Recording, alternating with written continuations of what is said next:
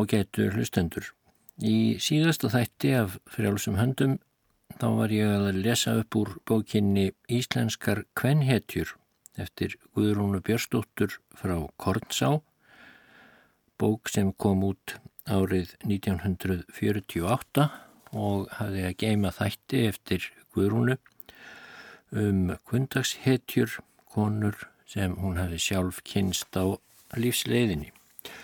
Og Ég ætla að högvi sama knérun í þessum þætti og ber nú niður í þætti hennar um dýrleifu einarstóttur. Hann hefst svo. Þeir sem lesið hafa hér að sögu borgarfjörðar eftir kristleif á kroppi munu hafa veitt í eftirtekt að hann getur þessum allmarga er hann greinir frá að þeir séu afkomendur Einars Þórólssonar í Kalmanstungu sem bjóð þar um og nokkru eftir aldamótein 1800. Um Einar sjálfan segir Kristleifur að hann hafi verið smiður mikil og hraustmenni. Rött hans var ofenju há og hreimi mikil. Eru margar sagnir um hvaða óra leiðir hann gæt látið til sín heyra. Er gaman að aðtuga hversu ríkulega þessir eiginleikar verðast hafa gengið að erfðum til afkomenda hans og þá ekki hvað síst hreistin. Ein af dætrum Einars Þórólssonar hér ljótun. Hennar dóttir var Guðrýður, móðir Björns Ólafssonar, hins mikla afreiksmanns sem tókst að bjarga eina skipinu sem afkomst af öllum þeim skipum sem lendu í forviðrinu mikla hinnum svo nefnda Hoffmannsbil nóttina milli 7. og 8. janúar 1884 þegar alls fórust 29 menn. Var því viðbröðið af þeim sem með byrni voru með hverji fádæma list hann hefði stjórnað og varið skip sitt áföllum. Björn var talinn vikingur að börðum, mikill maður að vallar sín veitur og svo vel skapi farin að jafnan hafði hann gamanirði á vörum og gerði hverjum létti í skapi sem með honum var. Önnur dóttir Einars hétt Kristín. Um hana segir Kristleifur að hún hafi klætt sig þremur dögum eftir að hún ól fyrsta barn sitt þá ekki nema átján ára gömul. Einar, sonur Kristínar þessarar, var einnig hraustmenni mikið og góður smiður. Hann bjó á Kletti í Borgarfyrði og giftist Þordísi Jónsdóttur, Jónassonar prests í Höfða og setna í Reykjóldi. Þúrdís var barnaðaldri þegar hún misti föður sinn en hann fórst í snjóflóði í heðinsfyrði. Afi hennar sér að Jónas tók hana þá til fósturs og með honum fluttist Kristín söður þegar hann fekk veitingu fyrir Reykjóldsbröði. Sér að Jónas var góðmenni og mikill trúmaður, svo hefur einnig verið um ímsa afkomendur hans. Þau Þúrdís og Einar byggu saman allmörg ár og eignuðust nokkur börn en þá kom upp missætti millir þeirra sem var til þess að Þórdís yfirgaf heimilið og helt norður til áttagana með aðeins eitt barni með sér, nýju ára gamla stúlku, dýrleifu að nafni. Hún var fætt 1870. Það er mægur Þórdís og dýrleif komust allarleið til Siglufjörðar. Þórdís kom litlu dóttur sinni þar fyrir hjá mætum hjónum. Jóhanni Þorfinnsinni í skútu og Petreu konu hans. Dvald hún hjá þeim til 15 ára aldurs og náðu þar góðum þroska en réðist síðan í vist á myndarheimili til Konráðsbónda í bæ á höfðaströnd. Konráð þótti nokkuð vinnuharður og var sjálfur mest í vinnuvíkingur. Í bæ vandist dýrleif allri vinnu bæði utan bæjar og innan og einst því að ganga kapsamlega að verki. Stundum gekk hún jafnvel að slætti reri til fiskjar og klifraði í drángæ á vorin eftir eggjum og fugli. Hafði hún stundum gert það sér til gamans sem fáir léku eftir að klifra upp drángæ með blöndukút á bakinu. Rúmlega tvítu gifti stýrleif Stefáni Pétursinni, dugnadarmanni og góðum sjómanni byrjuðu þau búskap í Málmei á Skagafyrði. Efnin voru sára lítil en nokkrar ær áttuðu þau þó og eina kú. Búskapur þeirra blumgaðist ágætlega og á þriðja búskapur árinu voru kindurnar orðnar 140. En þá barst bráðapest út í Málmei og á skömmum tíma fjall fjárstofn þeirra svo að eftir voru aðeins 25 kindur. Hugðu hjónin þá á ráðabreykni og fluttu voruð eftir að litlu brekku á höfðaströnd með rúmlega árskamlan svonsinn. Fyrsta árið í litlu brekku gekk allt vel en eftir það kom hvert áfallið öðru þingra. Annað árið lág húsbóndin allt sömarið í taugaveiki. Þriðja sömarið fekk hann hálsmein, svo ílkinjað og honum var lengi ekki hugað líf. Læknis hjálp var þá ofullkominn og skurðað gerðir fákættar að síðustu sprakk meinið en útferð var lengi úr sárinu. Má þá næri geta hví líkt feikna erfiði hefur kvílt á ungu konunni sem bæði varð að vinna úti og inni því engan hafðu í vinnumannin. Lítið var oftast um svefn þar sem bæði var um sjúkling og ungbarn að annast en þá var þeim fættur annar sonur. En nú leiði aðeins skammur tími þanga til þingsta áfallið kom. Þau hjónin voru að búa sig af stað til jarðarfarar, Stefán hafði farið út á undan, en þegar dýrleif kom niður stegan rétt á eftir sá hún hann líka endilangan í göngunum. Fyrst að henn ekki annað í hugan hann væri dáin, en bráðulega sá hún þó að lífsmark var með honum. Einhvern veginn fengu þær dýrleif og vinnukonna hennar bísað honum upp í baðstofuna og í rúmið. Með aðstóð frá næsta bæ var læknir sóttur til Hofsós. Hann hvað Stefán hafa fengið slag en ekki gatt hann vakiðan. Lág Stefán svo lengi meðvitundar laus en raknaði þó við um síðir. Þrótturinn kom smám saman aftur en þó ekki að fullu en það hlýfið hann sér ekki við vinnu eftir að hann fór nokkuð að geta. Alls voru þau Stefán og Dýrleif sjö ár í Littlu brekku. Það hafði verið þrótt lítil baráta við veikindi allan tíman og hilsu Stefáns fór fljótlega hnignandi aftur eftir að hann fór að vinna. Tóku þau þá það ráð að flytja aftur út í Málmei því Stefán gerði sér heldur vonum að geta sendt sjónum en búskap en það var bústofnin þá orðin lítill. Í málmegi bjóð þá Fridrik Stefánsson alþingismadur, en þau dýrleif og Stefán fengu hjá honum lítinn bæ til íbúðar. Hófst eh, dýrleif þegar í stað handa með túnrækt og gekk öttulega að útífinnu eigi síðurinn innan hús störfum. Og svo hvað Símón Dalaskáld eitt sinn er hann kom út í eiguna Rósin víra raustnar há, rösk á túni sínu. Falda hlýð með fríða brá, farin dýrleif er að slá. Móður dýrleifar hafði verið hjá henni að þessu, en hafði um nokkurt skeið verið mjög helsu lítil og upp á síðkastið oftast rúmföst. Svo dýrleif hafði þá tvo sjúklingað annast og börnin voru orðin fjögur, það yngsta valla komið af höndunum. Stefán hafði nú fengið slagað nýju en hafði þó nokkra fótavist fyrst eftir þetta og livði enn í 26 ár en mikinn meiri hluta þess tímabils var hann gjörsamlega og sjálfbjörga.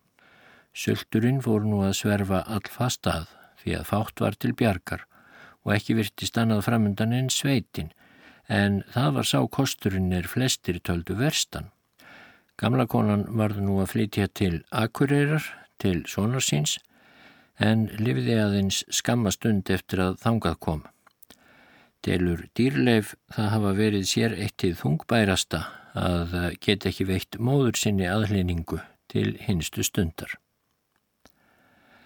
Skamt frá Hofsós var lítið hreysi sem heitir Nöf. Þar hafði verið búið og gerður dálítill túnkrægi í kring. Þangað var það ráði að dýrleif flytti með börn sín og hinn sjúka mannsinn. Það var á lögardaginn fyrir kvítasunnu sem þau fluttu í þetta litla kott. Samið hafði verið við menn í landi sem áttu róðrarbáta að sækja þau. Tók annar báturinn skefnurnar, kú og uh, fyrsta kálfs kvígu en ærnar voru komnir undan sex eða sjö talsins lendi sábátur í bæjarvíkinni og var beðið fyrir kýrnar í bæ yfir nóttina. Báturinn sem tók fólkið fór beint til Hofsós og hjálpuðu bátsverjar dýrleifu með að bera farangurinn heimað nöf. Á nöf var nú heldur köld aðkoma. Túnið var í órækt og kovarnir í mestu niður nýslu. Baðstofan var sem nefnur tveimur rúmum að lengt. Moldargólf var þar og óþiljað nema rétt ofan við rúmbalkana. Þeir voru tveir öðru megin en bara einn hinu megin og í auðabilið fyrir aftan hann let dýrleif síðar setja upp eldavél sína og því var sjaldan mjög kallt í baðstofunni. En fyrir framann baðstofuna var nokkurt geimslurúm, auðvitað óþiljað og með moldargólfi. Þar voru hlóðir. Strax og búið var að ræsta ofurlítið til í kofa þessum, bera inn farangurinn og koma sjúklingnum og yngsta barninu í rúmið, þá flíti dýrleif sér að kveikja upp eld og hita kaffi. Fengu þá allir að borða og drekka, fjölskyldan og mennitnir sem höfðu fluttau. En þá var líka allt upp unnið og engin matarbiti eftir nema eitt pottbröðsbarð. En um það talaði dýrleif ekki meðan gestirinnir voruðar. Engar spurnir hef ég að því hversu rótt dýrleifu hafi verið þessa fyrstu nótt á nöf, nýð því hvort hún svaf mikið. En hitt er víst að árla var hún á fótum næsta morgun, því að mörgu var að sinna og margt þurft að taka til handargagns. Var þá fyrst að útbúa bása og laga til fyrir kýrnar, svo hægt væri að taka þær strax heim. Mjólkin var helsta björgin sem fjölskyldan hafði á að treysta. Elstadrengnum skafta fór hún að ganga betur frá básnum og annast föður sinn og litlu sískinin. En sjálf fór dýrleif út að bæ til þess að sækja kýrnar og let Pétur litla svon sinn fara með sér til að reka á eftir þeim. Áður en hún lagði af stað þá skipt hún pottbröðsbarðinu milli eiginmann síns og barnana sem heima voru en sagði við Pétur, þú færði ekkert, Þú þarf nú ekkert því okkur verður sjálfsagt bóðuð að borða í bæ. En það fór þó á annan veg því þegar út að bæ kom en þangað var um klukkutíma gangur frá kotinu nöf þá vildi einhvern veginn þannig til að þau hittu aðeins fjósamannin sem strax afhendi dýrlefu kýrnar á þess að láta húsbændur vita af komu hennar og var þeim mæðgum því ekki bóðið inn og heldur ekki nokkuð matarkins en það beigði dýrleif þá ekki bóðana en helt strax heimliðis. Þá fór drengurinn hennar að kjökra og sagði Þú hefðir ekki átt að skilja mig eftir mamma þegar þú skiptir bröðbarðinu. En nokkur mjölk var í kunni þrátt fyrir flutningin og sefaði hún sárasta sultin hjá litladrengnum. Dýrleif vonaðist eftir að komast í fiskvinnu strax eftir háttíðina og hugsaði sér að láta mjölkin að duga þanga til því engan vild hún byggja hjálpar. Í ímsu var að snúast um daginn en snemma var háttað því þá gerði sulturinn minna vart við sig. En rétt þegar þau voru komin í rúmið þá var drepið að dyrum. Var þar komin ein nágrannakona þeirra úr Hofsósi, Jóhanna Jóhannsdóttir sem áður hafði búið í Háakotti hafði hún veitt í eftirtekt að ekki var rokið á nöf allan daginn þótt fólk væri fluttangað. Datinni því í hugað lítið myndi vera að sjóða, fyrst engan reik lagði upp. Kom hún með bönir og fleira góðgæti, svo nú var sestað bestum áltíð og einhver afgangur var til næsta dags. Jóhanna gerði vel, segir dýrleif, þegar hún revjar þennan atburðu upp fyrir mér en Guði sé lofað mér gafst tækifæri til að borga henni þetta síðar. Það er eins og það hefði alltaf verið mestum verðt hjá dýrleifu að standa ekki í ógreitri skuld við nokkurd mann. Strax á annan í kvítasunnu kom stýrleif með elsta drengin sinn ofur litla stund í fiskvinnu. Tímakaupið var vist ekki nema 20 öyrar þá, en fyrir þessa stund fekk hún þó fisk í soðið og pund af kringlu. Mikið orð hafði verið gert á dugnaði dýrleifar meðan hún bjó í litlu brekku og málmei en nú kom hún þó öllum og óvart. Það var sem orka hennar margfaldaðist. Að sama skapi og örðugleikarnir uksu. Hún bar höfuðið herra en nokkuru sinni fyrr. Með sjálfri sér mun hún hafa strengt þess heit að berjast fyrir lífi sínu og sinna ein og óstudd. Bróður hennar hafði bóðist til þess að taka elsta drengin til fósturs. Það kom auðvitað ekki til mála. Hann varð að standa við hlýð móður sinnar og veita henni þann stuðning sem hann mátti. Og nú hófst samtaka kvíldarlaust erfiði. Fyrst var að reyna að koma túninu í rækt svo hægt væri að fóðura kú. Þrýr hestar voru fengnir að láni til þess að flytja áburð frá Hofsósi, hratt var farið og margir voru hestburðurinnir daginn þann. Hestlánin greitti húsfæriðan aftur með vinnu sinni setna. Prammi var einning fengin að láni gegn hlut. Á honum hóf elsti drengurinn, 13 ára, formensku með bróður sinn nýjára gamlan sem hásetta. Parkosturinn var ekki góður sem þeir bræður réru á en aflinn var þó vonum framar. Fljótlega tók stýrleifu að festa kaup á litlum þægilegum báti, fekk hún hann fyrir eitt ærverð en það var þá 13 krónur. Nú var sjórin sóttur af kappi, oft reyri dýrleif sjálf með drengjum sínum og jafnan lagði hún ráðin á hvenarskildi róið. Skafti elsti sónur hennar, sem jafnan var síðan, einninn ötulasti sjómaður og dugmesti formaður, Hann hefur sagt mér að engan hafi hann þekkt um dagana jafn veðurglöggan sem móður sína. Veður spár hennar brúðust aldrei, saðan, og yfir höfuð var oftast eins og hún fyndi á sér hvað verða vildi. En þetta skildu ekki aðrir og því hlaut hún ámæli fyrir það hver fast hún eggjaði okkur drengina og uh, færi óvarlega að fólki fannst. Allir það stundum nokkrum sárindum og beskju.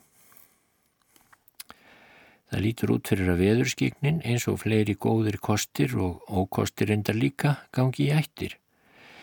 Minnist ég þess þegar ég kom eitt sinn fyrir löngu með móður minni til Ragnhildar Pétursdóttur, konu Haldurs Þorsteinssonar skipstjóra.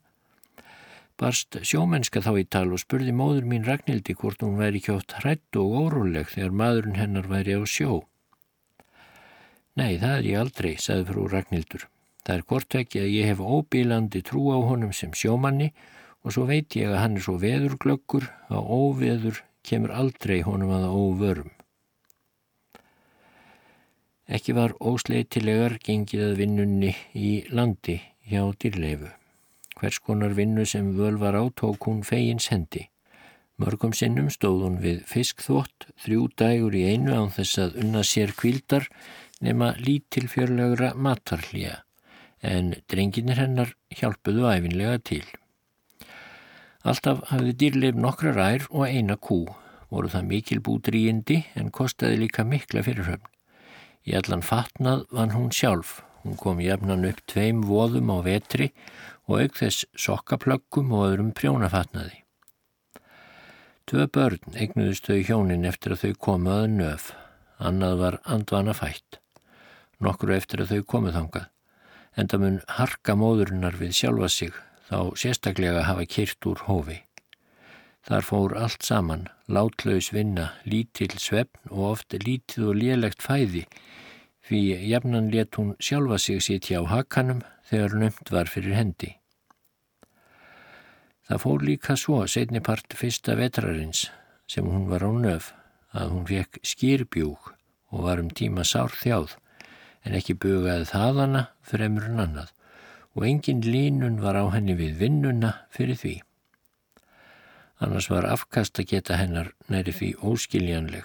Nákunnugur maður í Hofsósi á þeim árum hefur látið svo ummælt að varla væri gerandi að segja nútíma fólki frá starfsorku nafar húsfreyjunar, hörku hennar og þóli því að engin myndi öðru trúa en að þetta veru skröksögur einar. Að vísu fylgdu eldri börnin móður sinni fast eftir og léttu henni byrðarnar eftir getu.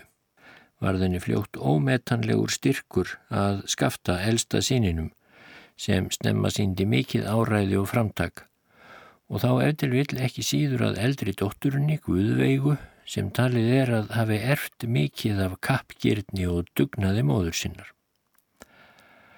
En mest var þó um verðt hversu vel Guðveig annaðist föður sinn.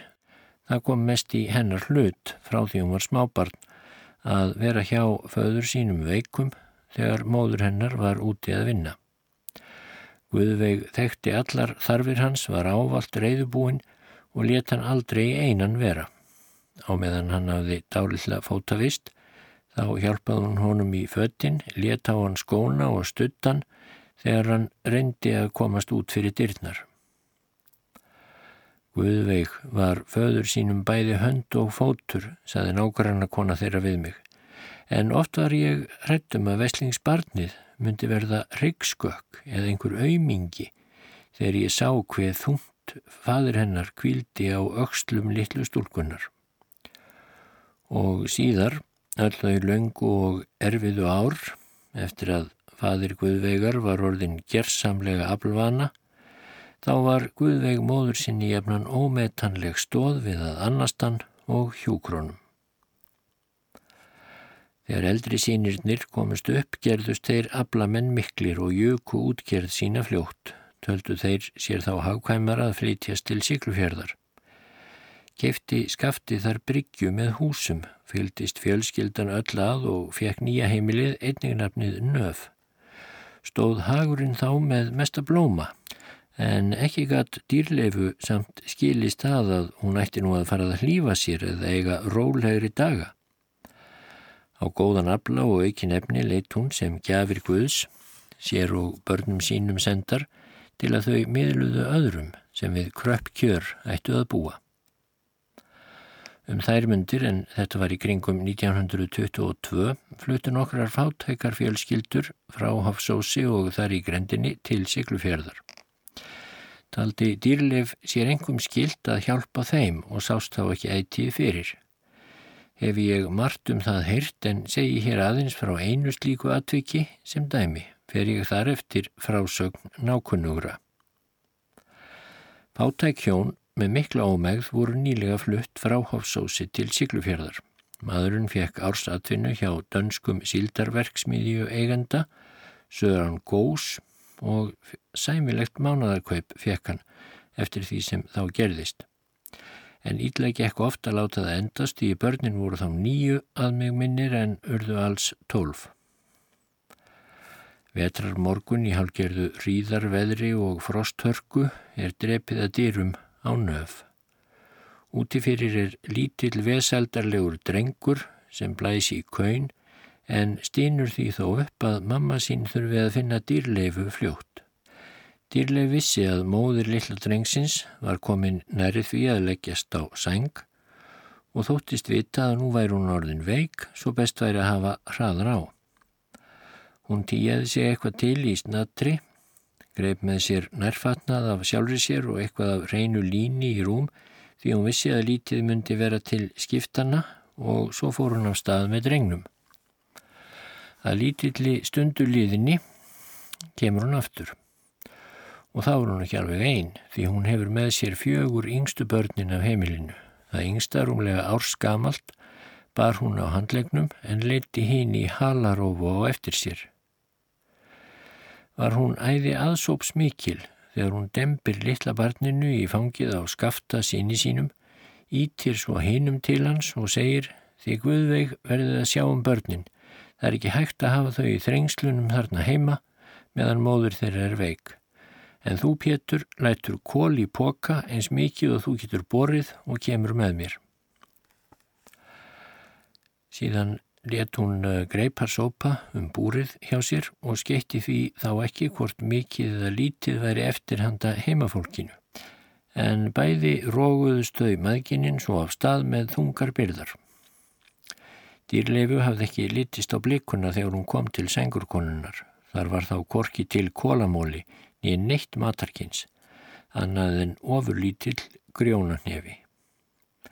En svo stóð á því að kaupsitt fekk heimilisfadurinn greitt fyrsta hvers mánadar og þá var um að gera láta það endast til næstu mánuðamóta, en oft stóð það tæft og því voru síðustu dagar hvers mánadar hálgerðir sultardagar hjá fjölskyldunni. Þetta grunaði dýrleifur endar og hafði oft fært hangað vænt búsílag en í þetta skipti höfðu þau orðið heldur fyrr upp í skroppa en venjulega. Það hafði hún ekki varast og því var þetta nær algjera alls leysi á heimilinu. En nú var auðvitað ekki að sögum að spyrja. Dýrleif sá að öllu leiti um sengurkonuna og heimili hennar. En litlu börnin fjögur voru kyrra á nöf þángu til móður þeirra fór að klæðast aftur. Þótti mörgum þá sem oftar mikið lagt á Guðveigu sem þá var 16-17 ára unglingur og varðu nú ein að annast alla matreiðslunu heima fyrir en yngri sýstir hennar var þá í barnaskóla. Hún þurfti líka að stunda sjúkling og fekk nú í ofanálag fjögur smábörn að líta eftir og heyrða um. En vafalaust hafa bræðurinnar þeir skafti og pétur hjálpaðinni vel, hvern dag sem ekki gaf á sjó, því þá þurftu þeir náttúrulega að róa. Yngsti bróðurinn Intriði mun þá hafa verið komin í stýrimannskólan. Dýrleifu var stundum láð að hún legði of mikið erfiði á börnin sín. Ekki reyni ég að leggja neitt dóm á það, en hitt virðist mér auðsætt að hún hlýtur að hafa verið þeim góð móður því þrátt fyrir auðm húsakinni, fábreytni í fæði og stundum skort, vosbúð og gengdar litla vinnu, þá urðu þau öll mannvænleg og komist til góðs þroska og fáar mæður munu betur virtar af börnum sínum en hún. Þungur harmur var það fyrir dýrleifu að missa yngsta són sinn indriða 29 ára gamlan með sveiplegum hætti. Hann hafði þá lokið prófi frá stýrimannaskólanum með góðum vittnisspurði og þótti ágættur sjómaður, hafði hann haft skipstjórn á hendi um skeið, síðast á Þormóði frá Akureyri og druknaði af honum 1932. Þá sem oftar var trúarvissan bestastóð dýrleifar og huggun. Engan hef ég þekkt örugari í þeirri trú að yfir oss sé vakað en þau meðgin, hana og elsta svon hennar. Dýrleif er nú, þegar ég skrifa þetta, 78 ára. Hún er enn rösklegu í spori og auðnust því ekki að setja yðjulös.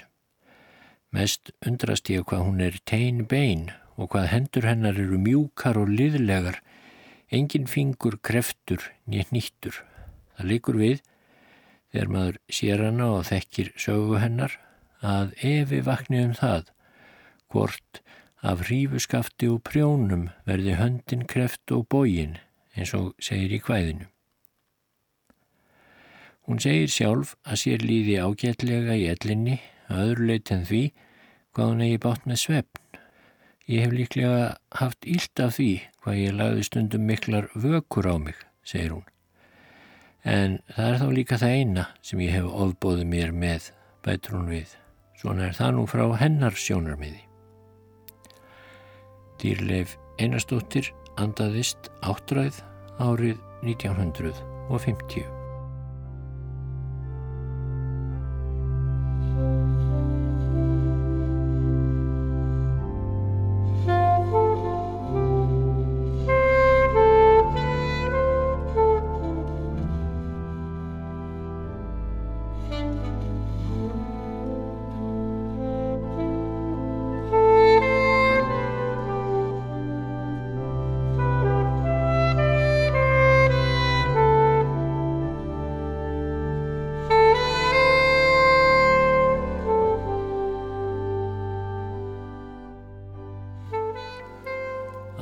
þáttur í bók Guðrúnar Björnsdóttur frá Kornsá um íslenskar kvenhetjur heitir Amma mín.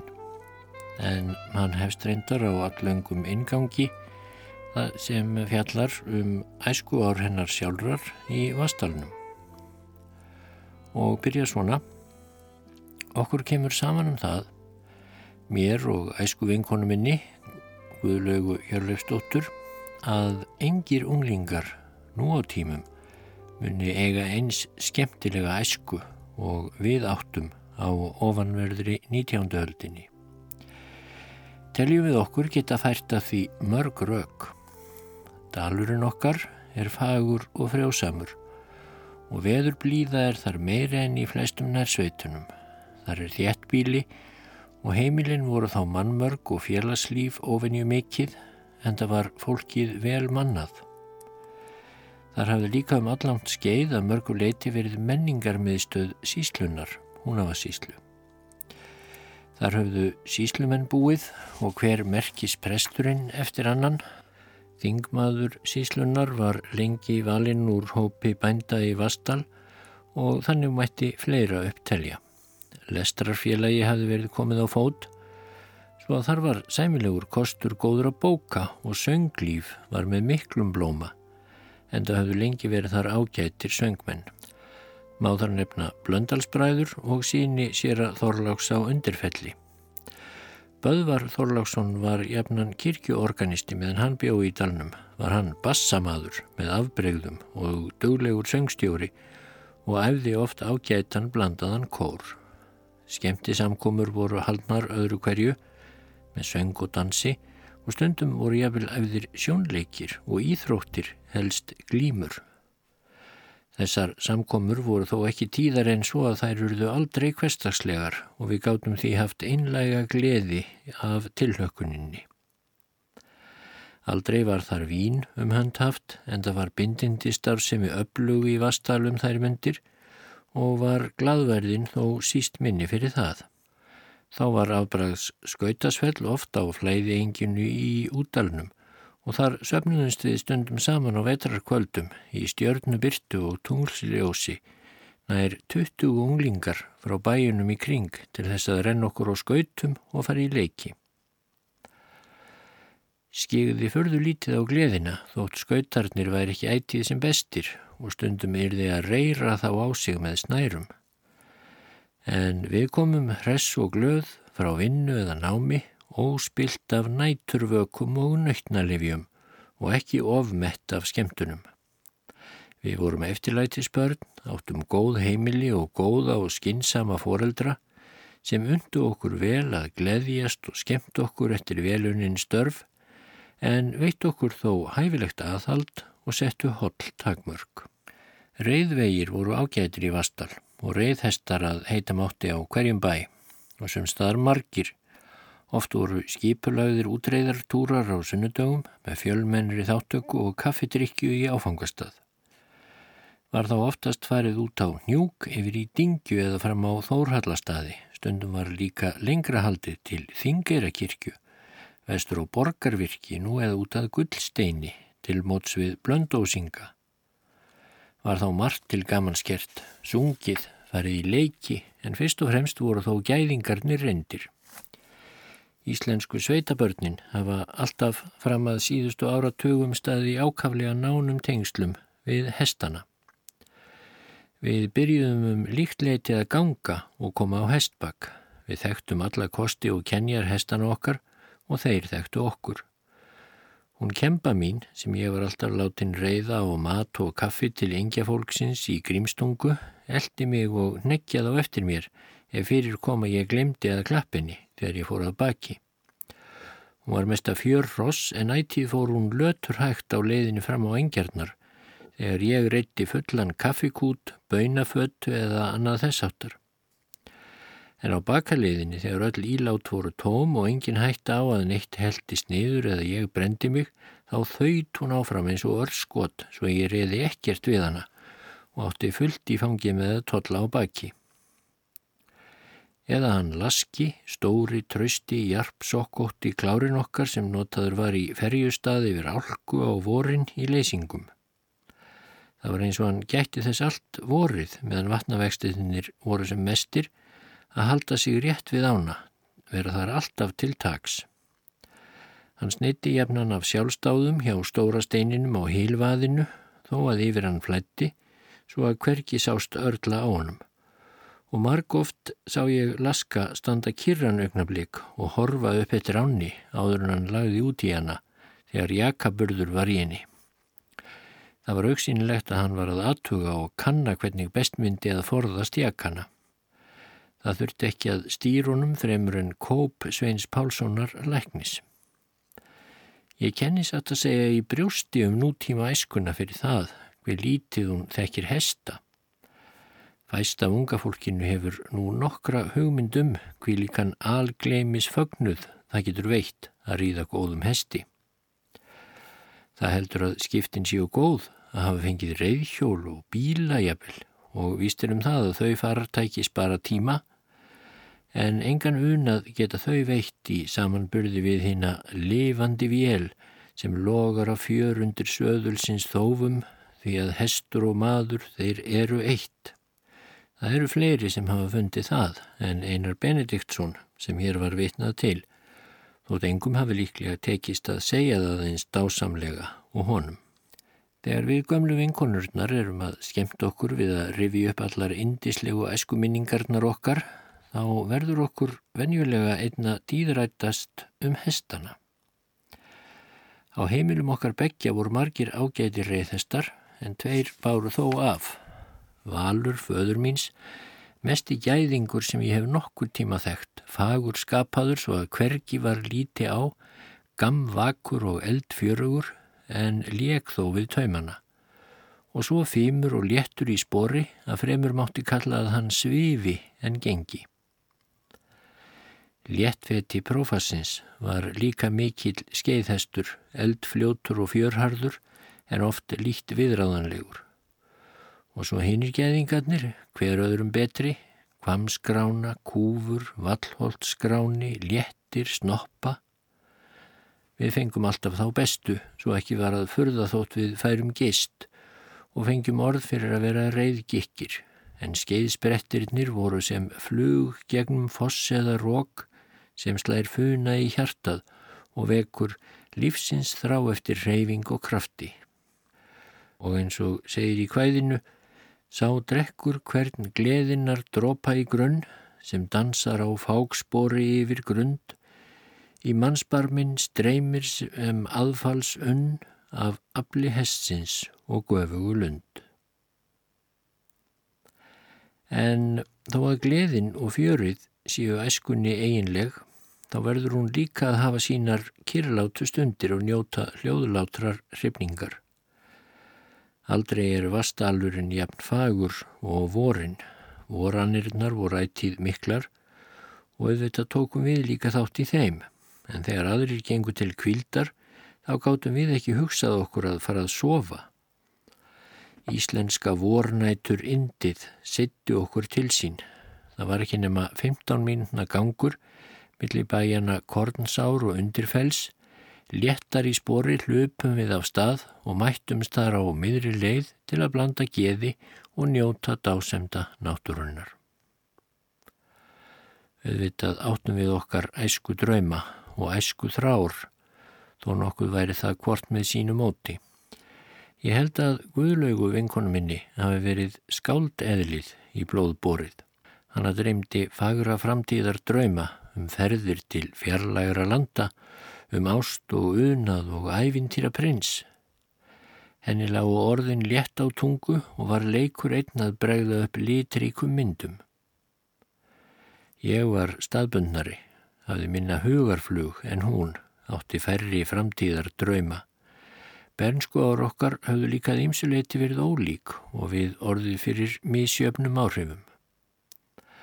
Hún hafði alltaf dvalið miðsveitis í þétt bíli á pressetrinu undirfelli en þangað lágu leiðir allara sóknarmanna. Ég hafði aftur á móti alist upp í Grímstungu fremsta bæi í dalnum að vestan þar sem allmikil vassföll eru á báðarhendur svo ekki verður komist aðan á neitt bæ nýðangað nefn að fara yfir vassfall. Ég var elst sískina minna og hafði sjaldan átt félaga eða leiksískinni á mínu reki og því vanist meira á að hlusta en tala. Sögurnar og æfintýrin hennar mömmuvinnar hafðu gefið mér ærið umhugsunar efni. Í draumheimum mínum átti ég mér leiksistur í bæjarklettinum og Margsinnis reyndi ég að leggja þar fallegustu skelljarnar mínar og ég vil brúðuna í þeirri vonað að næsta morgun myndi álvamærin hafa þegið gjöf mína og lagt þar einhver djástn í staðin. Það voru mér mikil vonbreyði að fá aldrei einn táknum tilveru huldufólksins. En þá komu ný umhugsunarefni, ég var fann að lesa Íslendingasögurnar og nú fóru svipir fornaldar að reyka fyrir hugskott sjónum mínum. Ég er fætt á hofi í Vastal, bæ yngimundar gamla landnámsmanns. Og þótt ég væri aðeins tæpar að tveggja ára þegar foreldrar mínir fluttu þaðan þá fannst mér ég alltaf vera tengt heim stað einhverjum ósýnlegum böndum. Nú átti ég heima á öðrum sögustað. Þórhallastaðir hafa lengi verið hluti úr grímstungu enginu, bæjartóttirnar og gamla tónstæðið eru í fárum kvammi. Þar þótti mér að vísu skemmtilegt að vera en alltaf hafði það þó nokkur æsandi áhrif á mig. Sagan um draugin glám og hinn ömurlegu afdrif Þórhallastaða heimilisins af völdum draugsins fylgdu mér ætið þangað. Á sama hátt varð Grettir Ásmundarsson sem hvað niður draugin mér glæsileg fyrirmynd, fórnfísi, reisti og karlmennsku. Eins og yngimundur gamli stóð fyrir mér sem fullkomnasta ímynd drengskapar og göfuglindis. Ég sá fyrir mér hvar þeir höfðu verið, hvernig þeir höfðu hrift sig í hvert skipti sem sagan hermir frá. Þetta var allt svo kunnugt. Þeir eruðu mér nálægari og nátengdari en aðrar söguhetjur. En sagan um glám varpaði líka nokkur um skugga á bensku mína, eina skugganum. Ég varð myrkvælin, engum eftir ég lærði hvæði Gríms Tomsens Skamdegis nótt er skuggalöng, í skálanum grettir aðleitn vakir, eins og þar stendur. Í gamla grímstungubænum voru löng bæjargöng og út frá þeim fremst allstór skáli. Ég efað ekki að það hefði verið þar sem grettir beigð draugsins og glámur læsti að beini beina pípur, banvænar eru döðsmanns klípur. Ætíð var ég gripinn óttablöndnum hrolli þegar ég fór fram hjá skáladýrunum eftir að farið var að skeikja og venjulega tók ég þá sprett fram hjá. Síðustu ár mín í grímstungu var ég reyndar farin að setja mér að ganga hægt fram hjá skáladýrunum en það var mér oft æði mikil þrekkrun. Ég var á 15. ári þegar við fluttum í útdalinn að Kornsá Þá breyttist viðhorfið á marganhátt, ég egnaðist fleiri félaga, fekk ný viðfóngsefni og sökti mér minna niður í sögur og ævintýri. En nú var ég komin á þær slóðir þar sem forfeður mínir og ættmenn höfðu verið um allangt ára bil, svo ennleitaði hugurinn til þess liðna. Á heiðbjörtum voru nóttum þegar bærðist ei blað fyrir vindi, eins og segir í kvæðinu, reikuðum við telpurnar tímunum saman millir bæjana Kornsár og Undirfells. Við teiguðum gróður ilmin og hlustuðum hugfangnar á rattir náttúrunar, fosnið, lóuklið og svanasöng. Vastalsáinn flætti yfir bakkana, miðnættur sólinn kom fram undan njúknum, nam við vassflöttin og speiklaði sig í honum svo hann glóði og glitraði allur og varpaði því líku gislamagni á glukkana og gulmáluð bæjarþeilin í kvammi að frá okkur að sjá breyttist bærin allur í skínandi ljós haf. Og hugan ósjálfrátt let ég líða til löngu horfina tíða. Ég fór sem sé að hugsa um föður ömmu mína. Lítil var ég þegar hún fluttist söður, bara þryggjára, samt myndi ég vel eftir henni. Hún var óskup góð við mig og mér þótti líka óskup vænt um hana. Ég grétt þegar hún fór og alltaf gemdi ég bref sem ég fekk frá henni eftir hún kom söður. En þarna hafði hún átt heima og leikið sér á kvamstúninu þegar hún var lítil. Þarna hafði hún háð harðabaráttu fyrir æsku ást sinni og frelsi. En nú sá ég þetta allt greinilega fyrir mér. Amma var engadóttir Björns Blöndals, hins kunna síslumanns húnvetninga. Bræður hennar voru tíu, það þótti glæsilegur hópur. Fegri sveinaflokk í stýr, fáar sendum æður, segir Mattías Jokkumsson í erfiljóðum eftir Lárus Blöndal Antmann sem var einn bræðrana. Mjög var vandað til uppeldis þeirra sístkina. Dótturinni voru kendar allar kvenlegar listir, matreðsla, ullarvinna, fatasaumur og útsaumur. Sjö af sónunum voru í latínsskóla. Heimiliskennari var jafnan fengin á etturna til að kenna þeim undir skóla. Um þær mundir sem sýstir þeirra var að verða gjafaksta komað kvammi heimiliskennari sem einn af öðrum bar og ekki var líkur neinum af öllum þeim ungu sveinum. Sigfús héttan Jónsson, prests í Reykjallíð Þorsteinssonar. Sigfús hafði nýlokið námi í Bessastaðaskóla og beði nú eftir brauði. Hann tók strax til óspiltra málana við kjensluna. Nó var að gera allan daginn því að nemyndurnir voru á misjöfnum aldri og ólíkir að þroska. Ímsa nýja síði tók Sigfús upp sem eh, nemyndum hans geðiðist ekki allir jafn vel. Strángari var hann með margt en fyrirrennarar hans höfðu verið. Hvergi mátti sjást blettur nýja hrukka á neinu, aldrei skilja við bók nýja blað öðruvísi en í ákveðinni röð. Erfitt var að skrifa staf eða ganga frá stíl svo að honum þætti nógu vel gert. Það gatt tæplega nokkur þeirra bræðra nema gunnlaugur. Þetta þótti lærisveinunum nokkuð þreytandi til lengdar. Hitt var aftur ágætt og ómetanleg nýjung að hann kallaði þá út daglega um stund til íþróttaeithkana. Let þá þreita höfrungarhlaup, rjúfa skjaldborg og glíma. Þessa leika fóru svo vinnumenn síslumanns líka að sækja hvenar sem þeir gáttu höndum undir komist og ég vil ungir menn af næstu bæjum. En síslumanns dóttirinn unga satt við gluggan við sauma. Hún vissi að stránga móðraugað vakti yfir henni en samt var þenni stundum tíðar litið út um gluggan en á saumana. Það var fallegur hópur vaskra sveina sem þreyttu íþróttirinnar og kennarin gekk venjulega á milli, leiðbeindi og síndi þeim glímubröð en stundum tók hann líka sjálfur þátt í glímunni. Hann var engin meðal maður en engin jafnaðist þó á við hann við mýkt og fimi. Hann sveiflaði sér yfir skjaldborgarvekkin, skjótar en augað eigði hversu vandlega sem hann var byggður.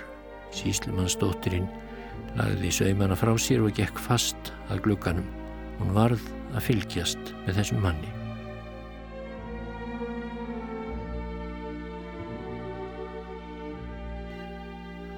Og hvernig fór hjá síslumanns dótturunni, ömmu Guðrúnar á Kortsá og heimiliskennarinn frá því segir í næsta þætti.